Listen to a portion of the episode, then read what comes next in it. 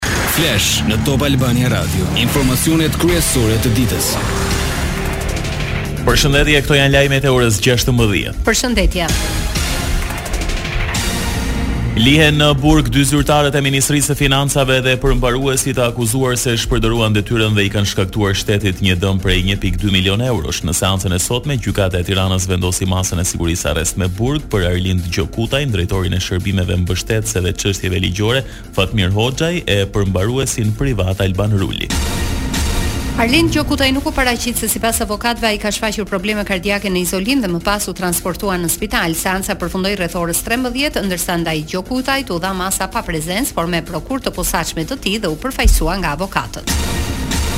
Komiteti Shqiptar i Helsinkit ngre shqetësimin për mosmarrje informacioni në lidhje me ndarjen nga jeta të një paraburgosur javën e kaluar. Rasti ka të bëjë me vdekjen në burg të një prej të arrestuarve për inceneratorët, Enver Shehi.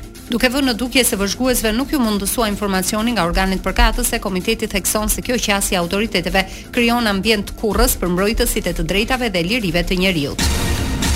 Sot në një dalje për mediat, kreu demokrat Berisha komentoi zhvillimet e fundit përfshirë arrestimin e Rozeta dhe Xhavier Dobit për grabitjen e mijëra eurove në banesën e Alda Klosit, ish shefes së kabinetit të Arben Ahmetajt. Sipas Berishës, paratë e gjetura janë të Ahmetajt. Arben Ahmetaj është kandidat për kokërr të burgut. Ato të gjitha janë paratë e Aldës, të Arben Ahmetajt, Të Edi Ramës. A janë paratë e djegsave. Berisha shtoi. Po të jetë se marrim variantin e kasafortës ju garantoj mijë për mijë se kodin asaj nuk ja ka dhanë njeri tjetër përveç Alda Klosit. Magjistare e bëni ju Rozetën që të zbërthejë kasafortat? Magjistare nuk ishte ajo ishte pastruse. Për Berishën Alda Klosi përfaqëson qeverinë ashtu siç është. Ftyra e vërtetë e qeverisë së Edi Ramës është Alda. e cila vjen në Tiranë me një apartament dyzet metër katrorë dhe përfundon me shtatë apartamente troje leje ndërtimi dhe kush e di sa para ka ajo në Dubai në konto të Arben Ahmetajt offshore apo të Edi Ramës me radhë. Lajmet në internet në adresën www.topalbaniaradio.com. Një sulm me tritol u shënua në lagjen Dobraç, në shënjestër ishte banesa e shefit të krimeve Shkodër Pllumb Shpati, nuk pati të lënduar, por vetëm dëme materiale. Për ngjarjen e ndodhur herët në mëngjes, në njoftimin paraprak të policisë thuhet se vijon puna për zbardhjen e rrethanave të saj, por në Shkodër ky është i gjashti sulm me tritol ndaj bluve në një vit, deri tani nuk është zbardhur asnjë.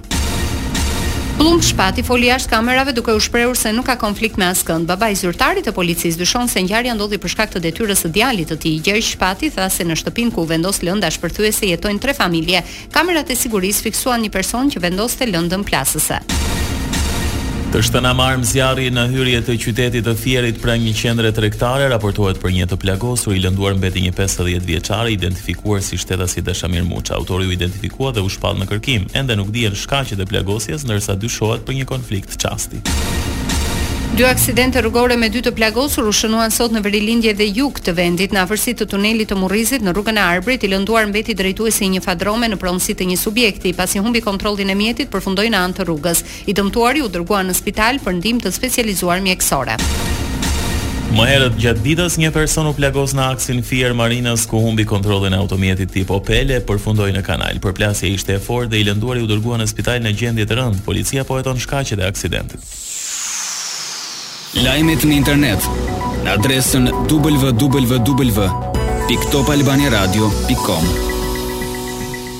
Bujqësia nuk përfshin vetëm shifrat e eksporteve të fruta-perimeve, ndaj këtë vit Ministria e Bujqësisë duhet të përballet me sfidat e radhës. Me numrin e krerëve gjithnjë në rënie blegtoria mbetet sektori më problematik. Ministrja e Bujqësisë, Frida Krifca, sot u pyet nga gazetarët. Është një sektor sfidues, por që kemi orientimin e qartë për ta mbështetur ashtu siç bëmë gjatë vitit dy mijë e njëzet e dy, do ta mbështesim edhe gjatë vitit dy mijë e njëzet e tre, Edhe procesi i analizës së impaktit që skemat e mbështetjes kanë pasur dhe financimit kanë pasur kërkon kohën e vet, kështu që jemi në një komunikim të hapur me sektorin dhe shumë shpejt do të kemi një vendim të Këshillit të Ministrave për mënyrën se si do ta qasim mbështetjen.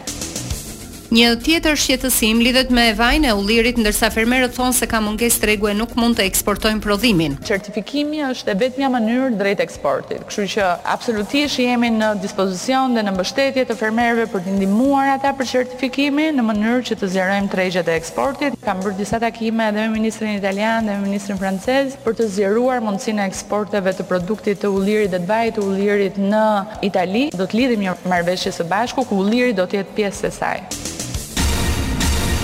Në fillim të muajit mars nisin aplikimet për përfitimin e fondeve në mbështetje të bujqësisë nga IPARD tre. Ky program planifikon të zbatojë nëntë masa, pesë prej tyre të reja. Në total janë njëqind e dyzet e gjashtë milionë euro. Për financimin e masave të reja, fondi në dispozicion është tridhjetë e tre pikë tre milionë euro, sipas burimeve nga Ministria e Bujqësisë. Lajme nga rajoni. Presidenti serb Aleksandër Vuçiç i tha këshilltarit të lartë amerikan Derek Chollet se për Beogradin çdo formë e njohjes së pavarësisë së Kosovës dhe anëtarësimi i saj në Kombet e Bashkuara paraqesin vija të kuqe, Vuçiç iu tregoi gazetarëve se me diplomatin amerikan diskutoi rreth planit franko-gjerman për dialogun e ndërmjetësuar nga Bashkimi Europian. Rrjedhje amonjaku nga një kamion cisternë në Serbi, një person u dërgua në spital për t'u trajtuar me oksigjen për shkak të problemeve me frymëmarrjen. Ngjarja ndodhi në Topola pranë Pançevos. Autoritetet rrethuan zonën e për arsye sigurie evakuuan banorët, por raportohet se nuk ka rrezik të shtuar. shkruar. Lajme nga bota.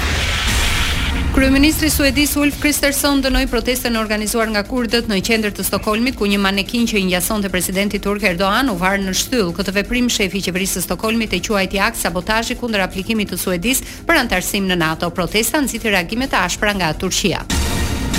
NATO po zhvendos disa prej avionëve të zbulimit në Rumani që aktualisht gjenden në Gjermani. Këta avionë do të jenë më pranë territorit të Ukrainës. Avionët e zbulimit me sistemin ajror të paralajmërimit dhe kontrollit pritet të shkojnë në Bukuresht të martën, për të mbështetur prezencën e përforcuar të aleancës në rajon dhe monitoruar aktivitetin ushtarak rus.